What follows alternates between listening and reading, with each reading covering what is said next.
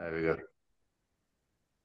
So, welcome to this episode with me, uh, Martin Fransson, that runs Welledge in Old Town. And today I had the honor to have with me Dr. Robin Pauc, who's a fellow chiropractor, also a graduate for ASC, Although you graduated many years before me, I think it was 74, I graduated 96.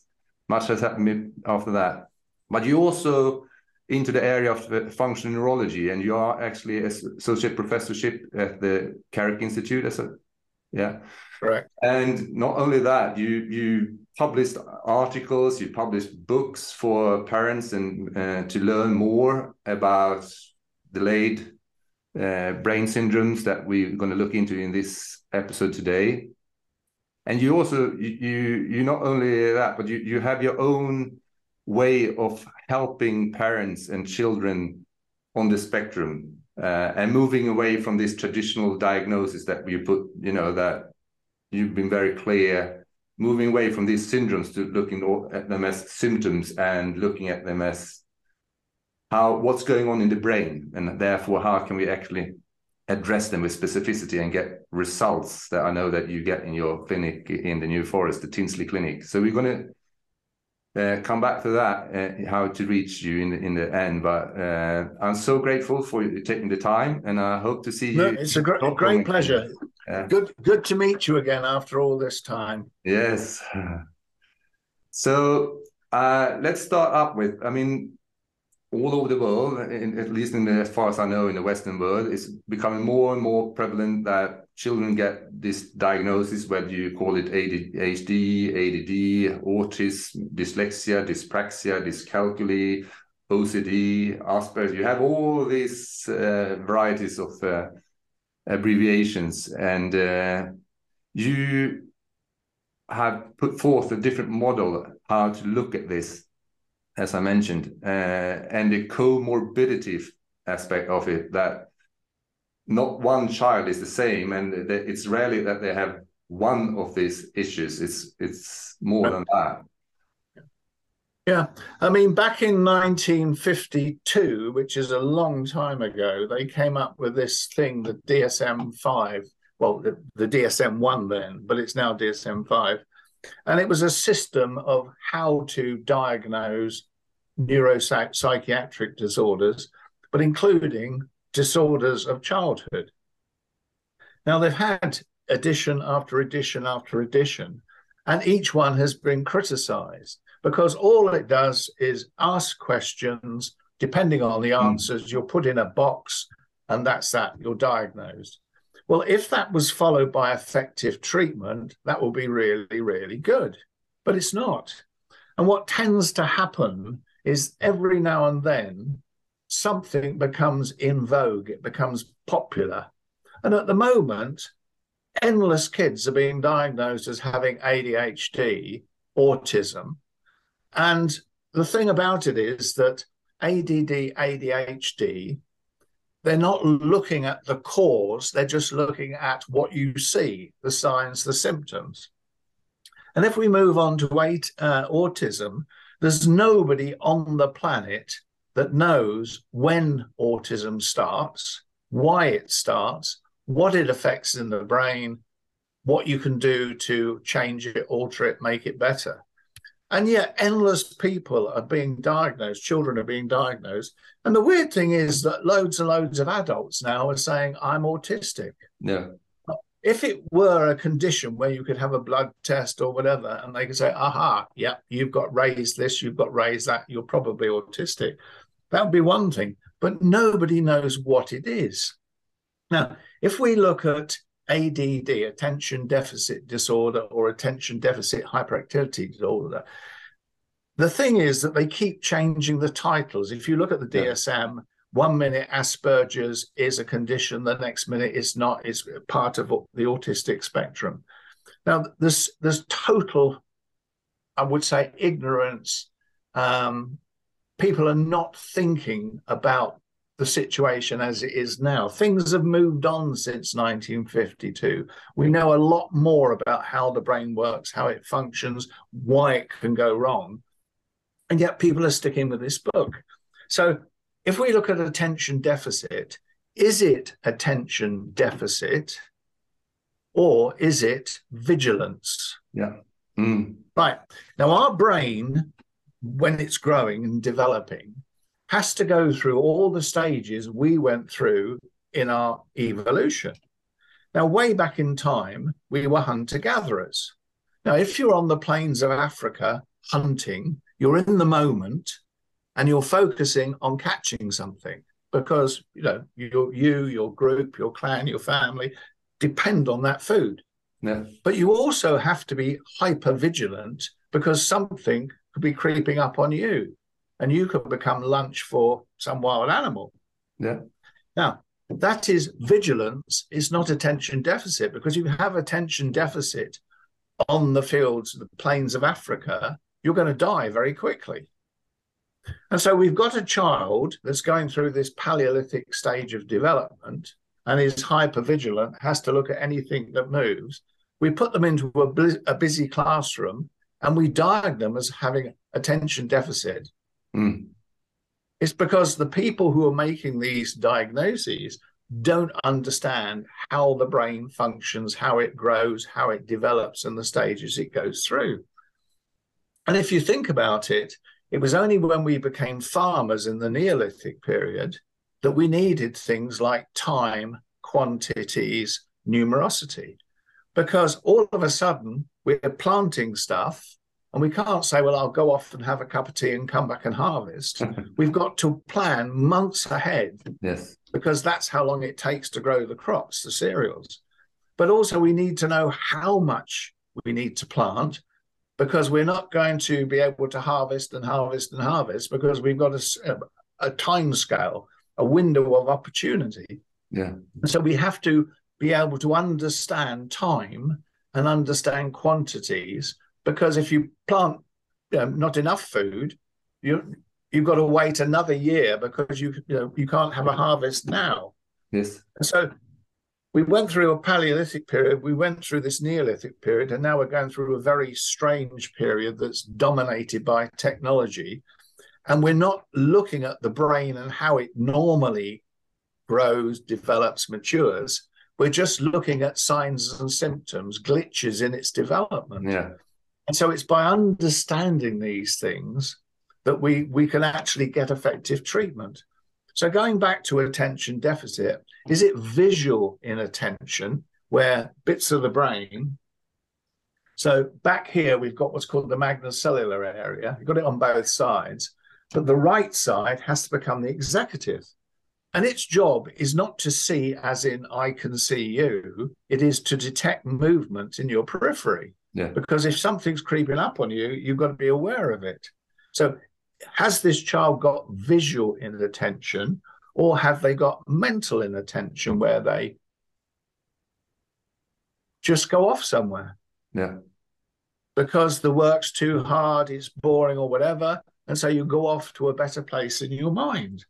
If I split the brain open and we look at the medial wall, this is where we have mental inattention, daydreaming. Mm. And you know, fantasizing, daydreaming is a right brain activity. Now, if we just class attention deficit as just being one condition, we're missing the point because it could be visual inattention, it could be mental inattention. So if we can pinpoint what it is and where it's coming from, then we've got a starting point for treatment. Yeah. But just saying, ah, Martin, you've got attention deficit or you've got ADHD, the logical question to follow on will be, well, what are you going to do about it? Yeah. But most of these educational clinical psychologists will just say, well, I've told you what the problem is. You know, maybe occupational therapy would help, maybe some physiotherapy. You know, we could consider drug therapy. But if you don't know what's causing these symptoms, how how can you possibly treat it? Yeah. Does that does that seem to make sense? Yes, it does. With you know, we're think about, thinking about it in terms of old-fashioned psychology, Mm. as opposed to not just modern neurology, but functional neurology. Exactly. How the brain actually works in Yeah. terms of its neurotransmitters, neuron fields, etc. Yeah, and and your way as as well as mine and others that work with functionality is looking at okay, what stressors has the person been exposed to in the womb or during delivery or during the first uh, period in life, whether it's chemical, physical, emotional, that can put you know that stressors can cause what you uh, has uh, called DDS, developmental delayed syndrome. That parts of the brain uh, are not developing as uh, in, yeah, it's, it's, quite, it's quite, in, brains. Have quite interesting. There was a, a, gentleman, I can't remember his name, he lived in the north of Sweden and he collected data on not just birth, deaths, and marriages, mm. but also on the weather, on harvests, and whatever. So he had all this data. And for some reason, he was going to retire and he contacted someone, I think, at Cambridge University in the UK and said, Look, I've got all this data. It goes back for donkey's years. Would you hmm. like mm. it? And the guy said, Yeah, brilliant, fantastic. And what they picked up was there was a relationship between hardship, as in famines, yes, and symptoms that would progress. And it went through generations. And following 9 11 in America, a research team found women who were at 9-11 in the thick of it not watching mm. it from on the telly and said look you're pregnant uh, can we take a swab from you when you give birth and a swab from your baby yeah. just a bit of saliva and they've done this and they found that in the mothers and the newborn babies they both have raised cortisol levels an indicator of stress yes now, this is a long term study. So they're now waiting for the babies to grow up and have babies to see if the grandchildren have raised cortisol levels. Mm. So, what this is, is we're imprinting genetically and carrying things over. So, we have to look at the family history and see if there are any stresses that raise the, the, the uh, probability of there being a problem we have to look at the history of the pregnancy, we have to look at the labor, we have to look at the delivery, all these factors. Mm. And way back in time, I wrote a paper um, on fetal distress. And these are important factors which are often overlooked. Yes. Now, if the baby, I mean, it's hard enough being born if you think about it. You're in a nice, comfortable environment. Then all of a sudden, you're squeezed through the funnel and out. And out you come. Well, if you're a big baby, if you're in the wrong position, if the cords around your neck, if they need to intervene with suction, forceps, mm. whatever, it's a very stressful situation. And a number of children actually suffer as a consequence. You know, they have a lump on their head from the Ventouse, yeah. or they have marks on their face from the forceps. So it's not a pleasant experience, and that can stress the brain. Now, the control of the growth and development of the baby in the womb and thereafter, because you've got to get from this size up to your size, something has to control that growth and development. And that we know now is due to the epigenome. Yes. So a while back, the, the whole science of uh, epigenetics came up, and we know that the epigenome controls everything. So the epigenome talks to homeobox genes that talk to other genes and say, right, we need to grow ears now, we need a nose, we need limb buds, and whatever. So that controls the growth and development in the womb, but it also controls it from that day on. So once you're born, you've got to grow up and become a you know a woman or a man. Now, the evidence would suggest, and there's there's evidence from different parts of the world, that if there's a stressor it can cause the epigenome to glitch. It's not broken, it's just yeah. not working as well as it should do. And then bits of the brain don't develop as they should do. And therefore, you see signs because most of the brain works by one area inhibiting another area. And so, this inhibition or lack of inhibition causes brain activity. So, a stressor affects the epigenome, and then you end up with a, a delay in, de- in development, not a condition. Yeah. Because people think, you know, take the word dyslexia. When dyslexia was first, you know, brought into being, a man was looking at children with normal eyesight, normal intelligence, but was struggling to read. And he didn't know why. Yes. But he called it, being an educated man, he switched it from being German as he spoke over to Greek and he yeah. called it dyslexia. Mm. Well, if you translate it back, it's struggling to read disease, yes. which is stupid. You know, it's rather like me going to the doctor and saying, I've got a most terrible headache. And he says, Oh, you've got cephalalgia. And I say, Oh, thanks, great. And he gives me some pills and says, Off you go. Well, yeah. he's just told me I've got a headache. Yes. Uh, and we hide behind these, you know, Latin, Greek names and think that we've actually diagnosed something, but we haven't. We've yeah. only told the person what they told you. Yeah. And so we need to get rid of these terms that we use dyslexia, dyspraxia, attention deficit, because they're not conditions in their own right. They're just signs and symptoms of a brain that's glitched. Yeah. If we can track where it came from, then we, you know, that's the starting point of treatment. Yeah, and that's that's the wonderful thing of it because um, for so many parents and and uh, people that gets the, these kind of diagnosis, it's like, oh, that's hereditary. You know, this your genetics. This yeah. cannot be changed. It's only medication that's gonna help you in this. There's no there's no other solution. But when it's epigenetic, you can address it. There, there's yeah. and, and when you know which part of the brain that needs retraining, you know how to uh, rehabilitate your brain and, and yeah i mean this is one of the problems that people are still saying that once you've got it you've got it it's there for life yeah and it's not and it's not it's purely that you don't understand what is happening why yeah. it's happening where it's happening yeah. Once you do, you can say, ah, right, well, that's coming from the magnocellular area, the parvocellular yes. area, the anterior cingulate. So you know where you've got to go to treat it, yeah. address the issue. Yeah, and it, it, it, to exercise and uh, there's varieties of treatments through that you use uh, with. It has to be holistic, yeah. because basically you've got to look at diet. You've got to think about supplements because the brain yeah. is growing rapidly and it may need help with omegas, zinc, magnesium, whatever. If it's the cerebellum that's causing a problem because this little fella at the back here, at the back mm. of the mm-hmm. brain, this has been ignored for donkey's years. Everybody's yeah. focused on this bit because it's the biggest bit. Yeah. This has been ignored, but you have to sort this bit out before you do anything with the with cerebral hemispheres. Yeah. We'll perhaps come to that a bit later on. Yeah, definitely. But we have problems in how we approach the whole thing.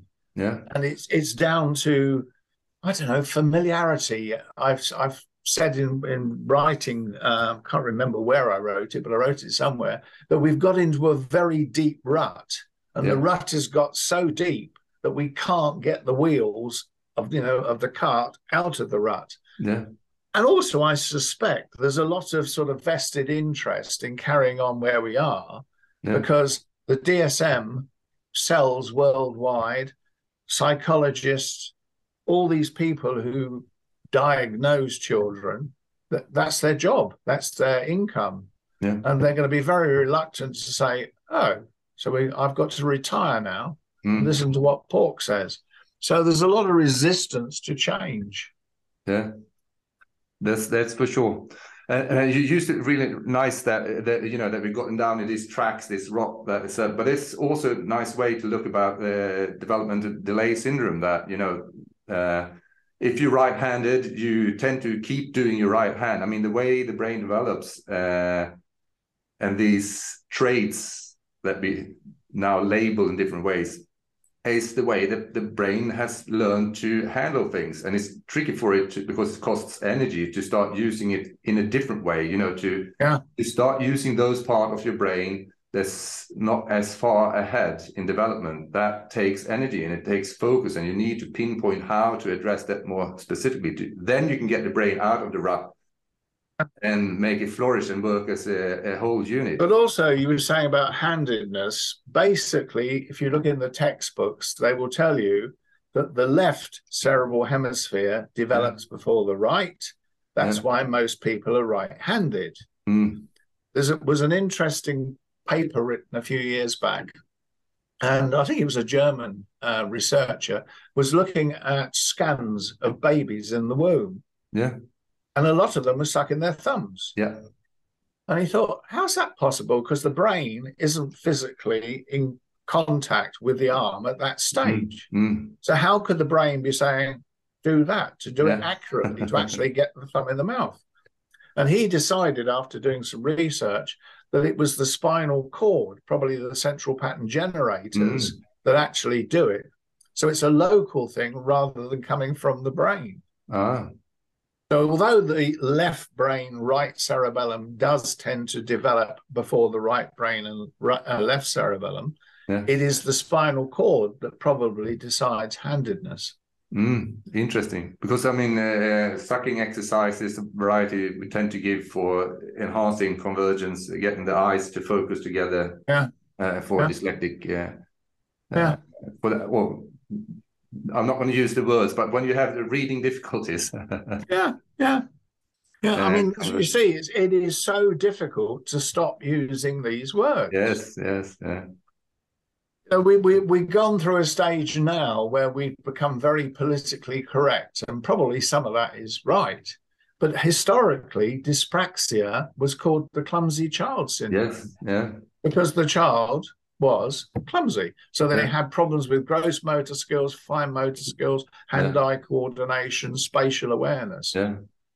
Now, if you think about that, which bit of the brain is key to controlling all those th- functions? Yeah. So if we just talk about dyspraxia, well, Yeah. what is it? Is it general dyspraxia? Is it dressing mm-hmm. dyspraxia? Is. Yeah. it fine motor skill dyspraxia? It's silly. It's like me saying, if you said to me, Have you got a motor car? And I said, Yes. And you said, What have you got? And I said, I've got a red one. You say, Well, could you tell me a little bit? Oh, it's a Citroen or it's a Porsche or it's a Ferrari. yeah. Right? So it's silly having this term car when you really want to know it's a Mercedes, it's a Saab, it's a Volvo, Mm. whatever.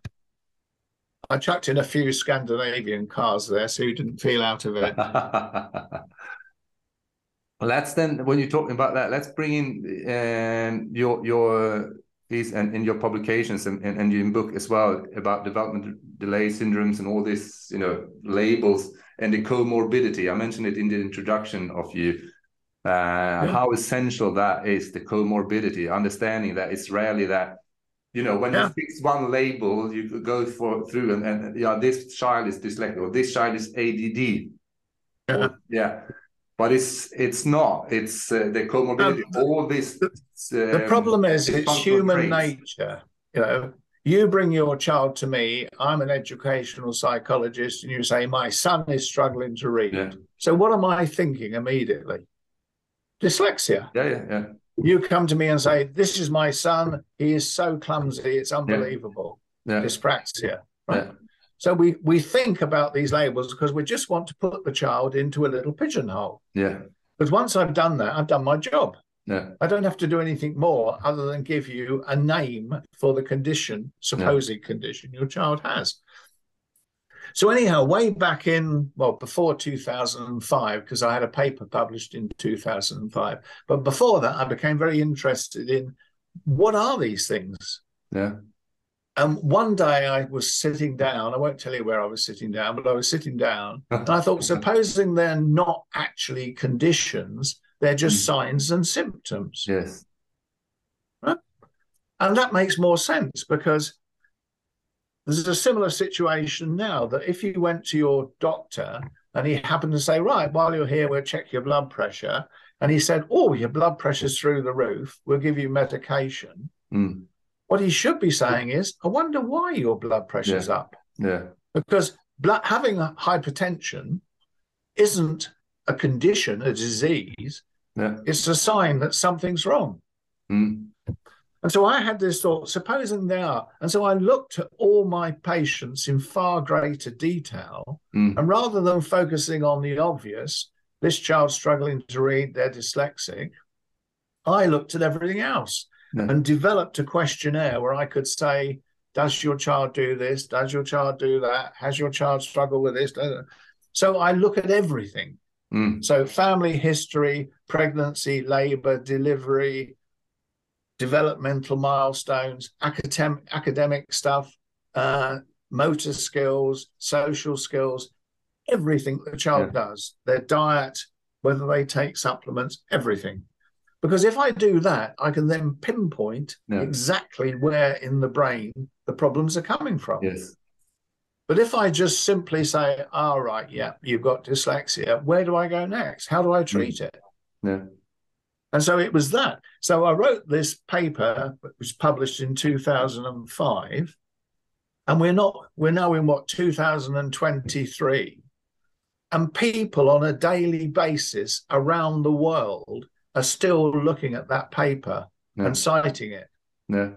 Because all of a sudden, I don't know how many years is that from 2005 to now? It's a lot. Yeah.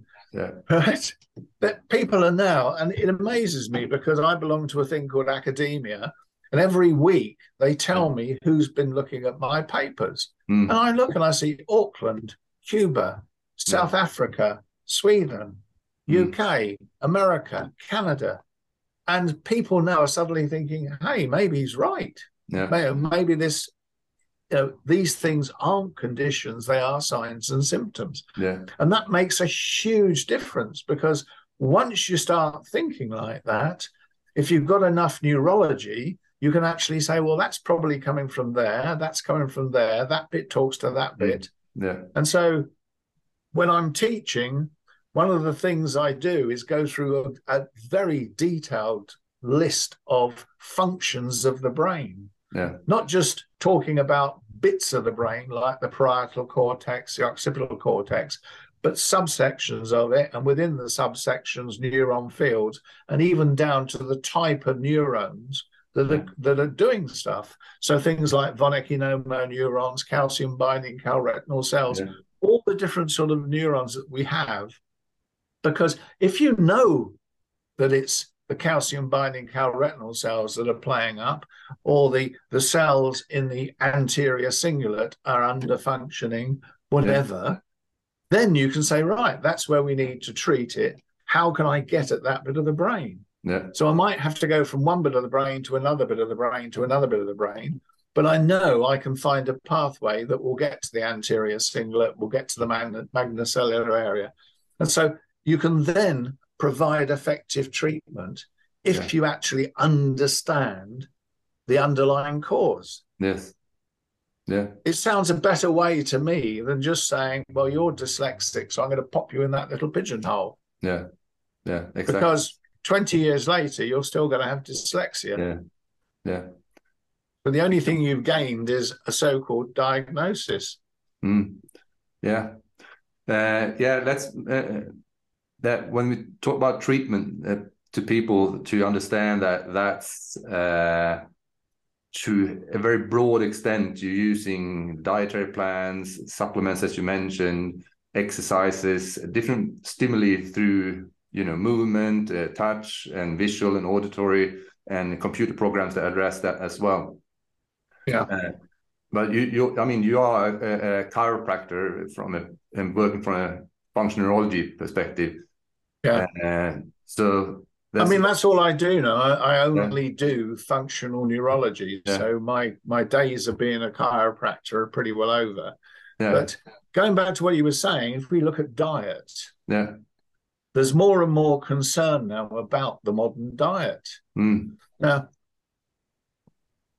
several several years ago, they came up with this idea of e numbers, yeah. So this is the chemicals that legally you can add to food. Yeah. And it varies from country to country as to which of those E numbers are allowed.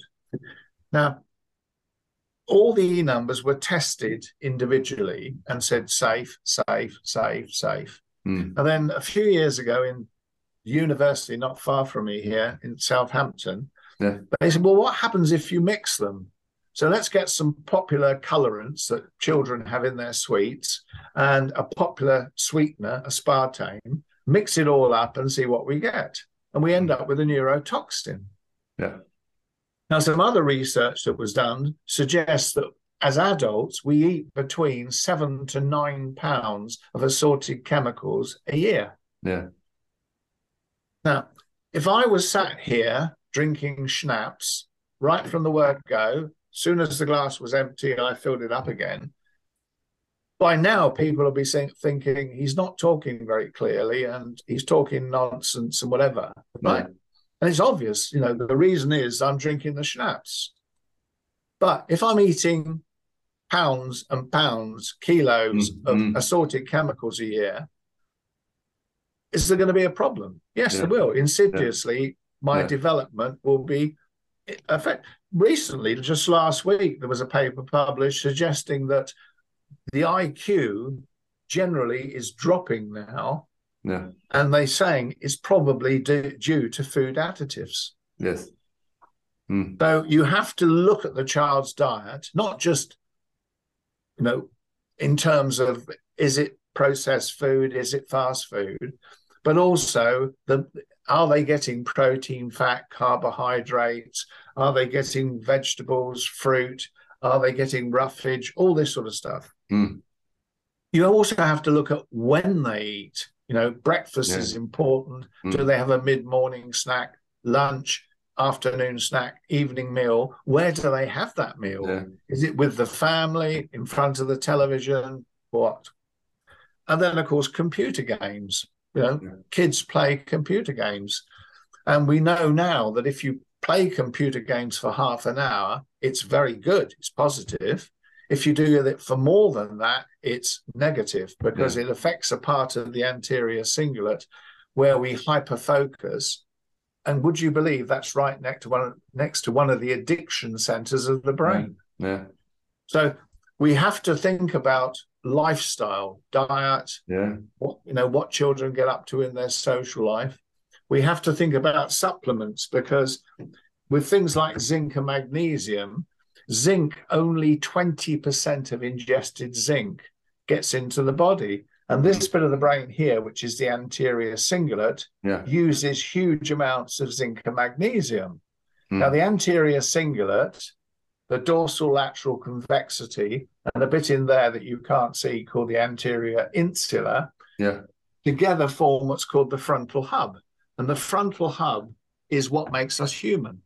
So if I was rude to you, mm. which I would never be, sir, but if I were to be rude to you, you would have the ability to stop and think, mm. why is he being, why is he being like this? Right. So you'd think about it, come up with a you know something, and then say to me, Robin, why are you being so rude? It's not like you. Right?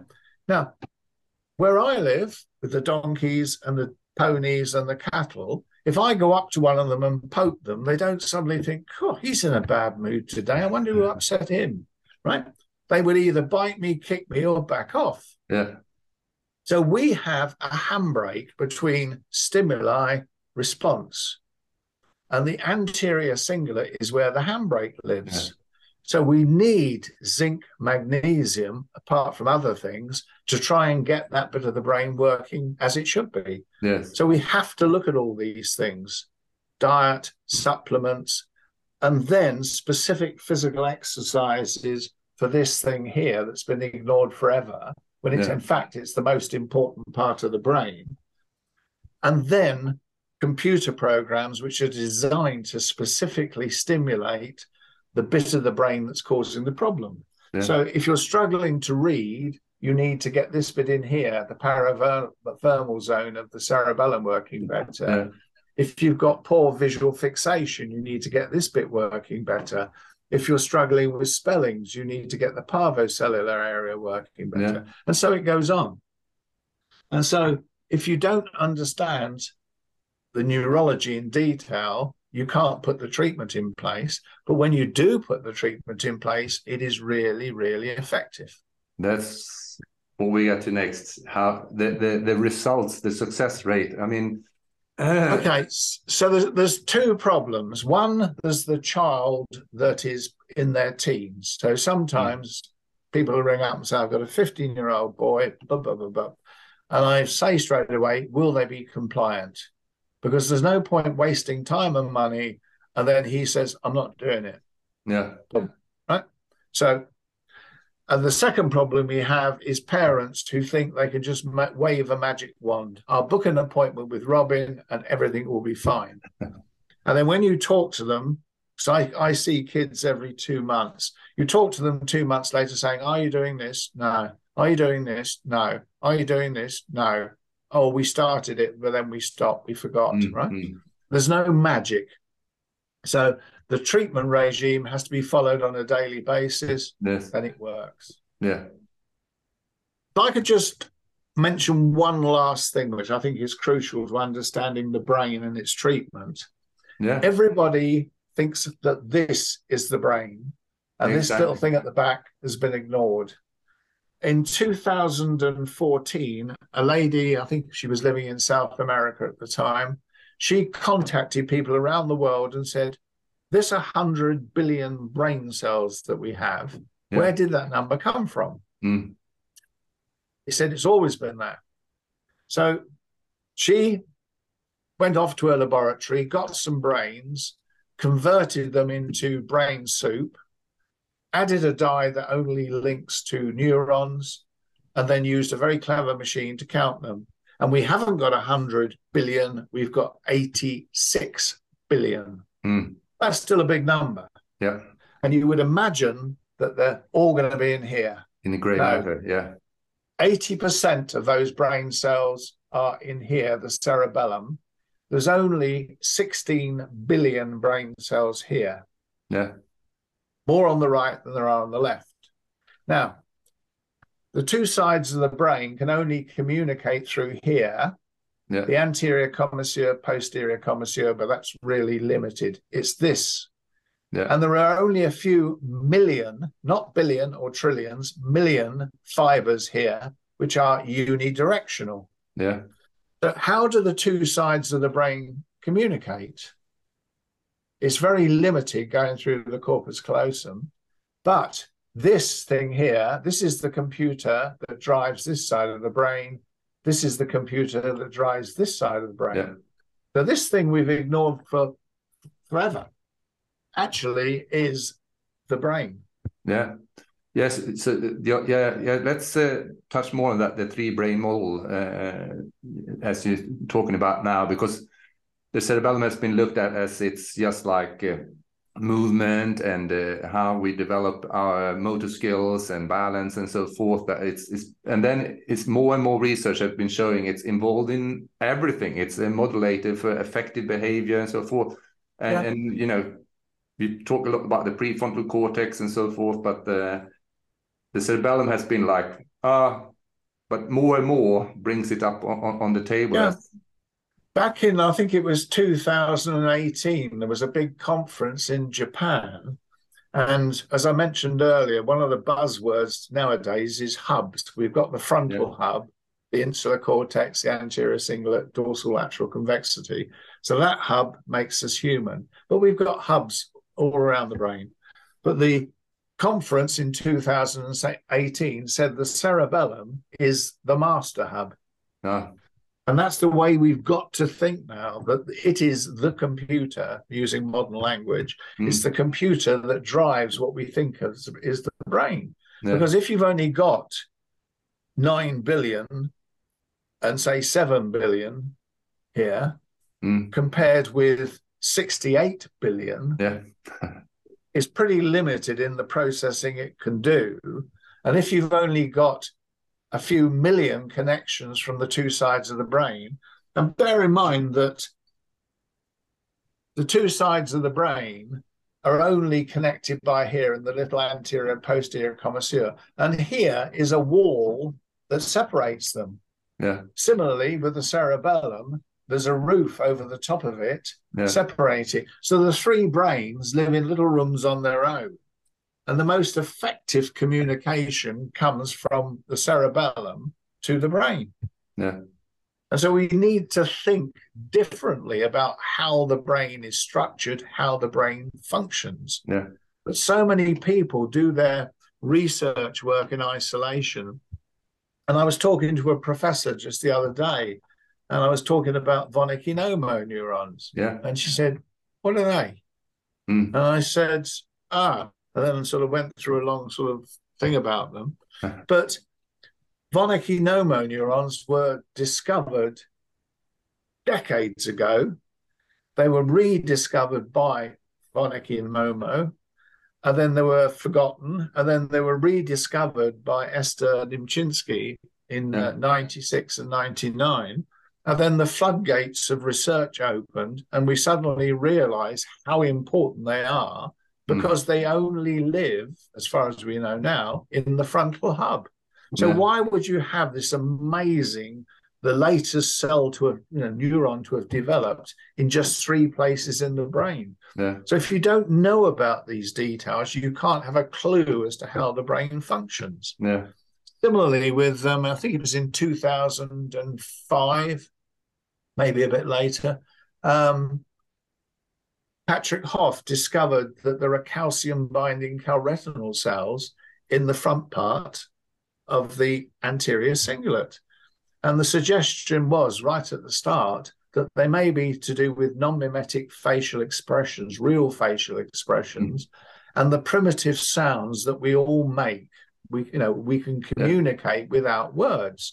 So if you would be kind enough as to give me a really nice glass of wine, I would go, hmm, hmm. Now you know I'm saying that's delicious. Yeah. If I went, right, you know that's disgusting. So babies and mothers talk to each other without words. Yeah. Lovers talk to each other without words. A lot of what, you know, little signs and sounds that we make are communications. That comes from that part of the brain. Yeah. And so if you don't know about these little de- details, you know, gigantopyramidal cells, magnocellular cells, parvocellular cells, if you don't know about these details, you haven't got a clue about how the brain really works. Yeah. And the three brain model is a very good way of for students to learn about brain function, simplify it. Yeah. There was a, a writer, a Jesuit priest, who wrote loads and loads of books, but he wasn't allowed to publish them because he was a Jesuit priest. But when he died, his friends got hold of the manuscripts and had them printed. And he, one of his strengths was he could have mental models models that couldn't happen in reality. Well, they probably will in the future, but not at the, this present time. But they just allowed you to see something, to, to think something. And if by having the three brain model, you can simplify neurology and get people to better understand what's happening. Mm. Exactly. So when I'm teaching, one of the one of the things I do is teach people that the brain only works in virtual reality. We guess a lot of what we're seeing, what we're hearing. We don't actually really see things. Mm. We only do if we're in an emergency situation. So I teach them that. But I also teach people how the brain is well, putting it simply, the right brain deals with everything new, everything emotional, everything defensive. It's the side that fantasizes, you know, oh, this is so boring, and you float off to a, you know, a wonderful holiday resort in your mind. Left brain, most people, speech and language, mathematics, science, all the clever mm. stuff, but it's reliant upon the right brain. Now, because the left brain and right cerebellum develop before the right brain and the left cerebellum, if there's going to be a developmental delay, in the vast majority of cases, yeah. it's because the right brain, left cerebellum is under functioning. Yeah. And there's very simple neurological tests that anybody could do that will tell you, ah, the left cerebellum's down. And then there are other tests you can do, and you think, ah, yeah, the mm. right cerebral hemisphere isn't behaving as you know at the speed it should do. Yeah. And and these tests are in your books. Uh, I know at least in, in, in, is that my child. I don't know the latest one, the myth. I just got that yesterday because I don't know. I've never read it. but you, you you in your books you you do give parents a lot of uh, guidance uh, to find out for themselves as well as for their children uh, and guidance to what they can do on their own and see whether mm. that works. You know, tests and and uh, supplement suggestion, diet plans, and so forth. I mean, you even have the the brain diet plan book, so to give uh, um, self help, so to speak, and yeah. with that, you know, on top of that, you can supplement with uh, reaching out to to you, the Tinsley House Clinic in in, in um, the New Forest, not between Southampton and, and Bournemouth. And there are other functional neurology practitioners. I mean, I run here in Stockholm, Old Town, and there are there are more and more all over the world. I mean, there's yeah. many people yeah. that you train. You're going to soon start up a new training as well. That's uh, going to be interesting. Yeah, I've got um, a, a, new one starting in May. So uh, that's uh, I do five weekend modules. So it's pretty mm. tough. You do all day Saturday, all day Sunday, but then you go away for two months. I can do some of it virtual, some of it you need to be here, yeah. but you then go away. There's there's textbooks that have been written specifically for the course, mm. and so you get homework to do. You've got guided study and whatever, and so by the end of a year to 16 months, it depends on the, the you know the, whoever the people are that I'm teaching the students. Yeah. So sometimes I do modules for for people like special needs coordinators. Other times I do it for practitioners you know, it just depends on the level. So mm. I might do five modules, I might do six, but it goes into the functional neurology in know, quite a, a, a depth. Mm. And it, it, you end up at first thinking, I'm never going to learn this. And then within sort of two or three modules, you're sprout, you know, all these words are coming out and whatever. Yeah. So uh, yeah, it's good. So sometime in May, we haven't finalized the starting weekend yet. Yeah, but it's coming. And yeah. Uh, I'm going to put uh, below here information about your books and, and how to reach you, uh, your your website and your about your clinic and so forth. So so people that listen and, and see this can reach out and find out more and get access to your books and publications. Uh, Brilliant. And I do looking forward to get you uh, to invite you to come to Stockholm. I mean, uh, well, I, would love to because uh, twenty years ago since uh, you were here. It can't, it can't be that long, so I'm not that old.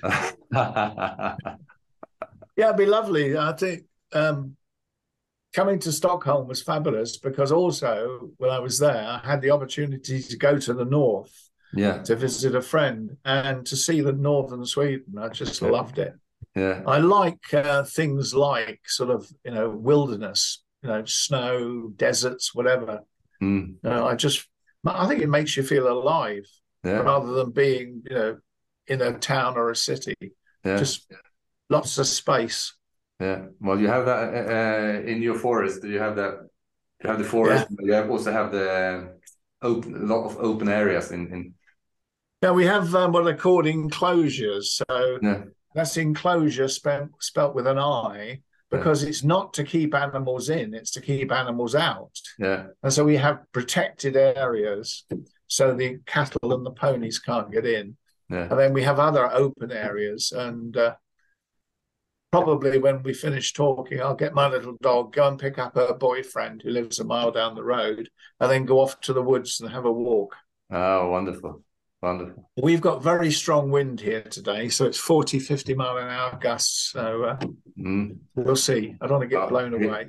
Here it's snowing and and uh, minus one or two. Yeah, so it's it's winter here in Stockholm. That's not too bad. Uh, so, any any final words, uh, uh, tips, suggestions uh, to parents, uh, um, adults? Well, that, to parents, read, you know, have a look at the books because yeah. the myth, the latest one, is an update on the "Is That My Child," which was hmm. 2005. Mm.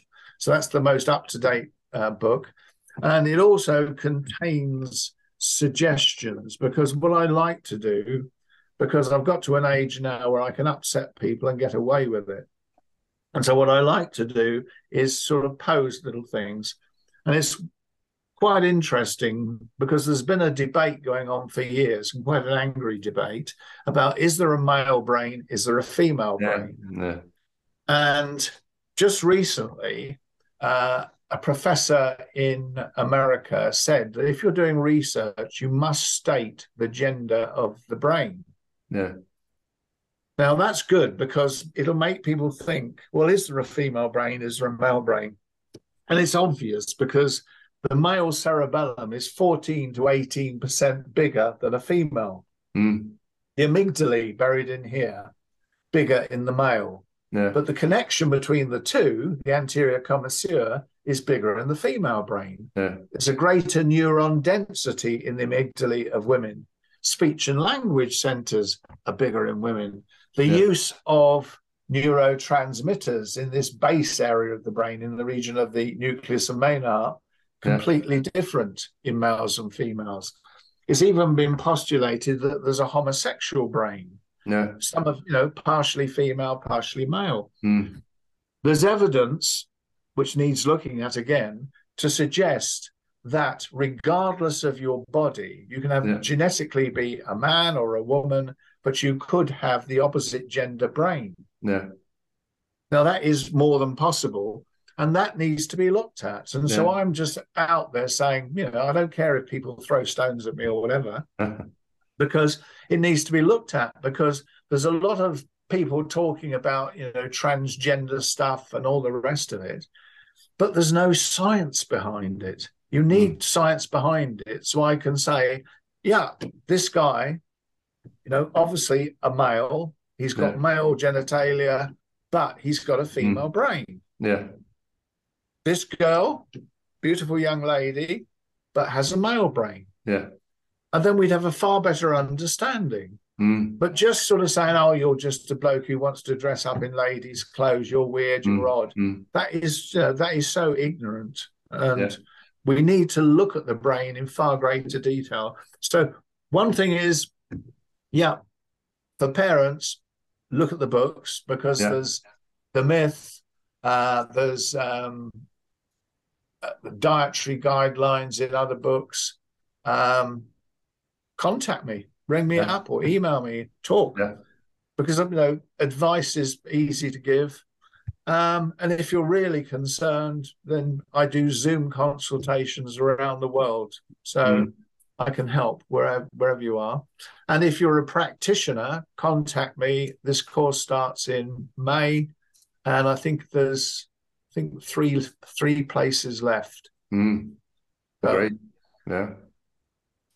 Wonderful. Wonderful. It's been lovely talking to you again after all this time. Yes, uh, indeed. And looking forward to You, you said 20 years. It only seems like five minutes ago. it's all in the You- brain. It's all in the brain. It is. You take care. The same. I will end the recording here and can talk a little bit after. Yes. thank you ever so much. And please, if you have liked this, uh, whether you listen on the pod or on the YouTube, please like it and share it forward to others that uh, I need to get this information from Dr. Robin Pauc at the Tinsley House Clinic in uh, New Forest. Thank you. Uh,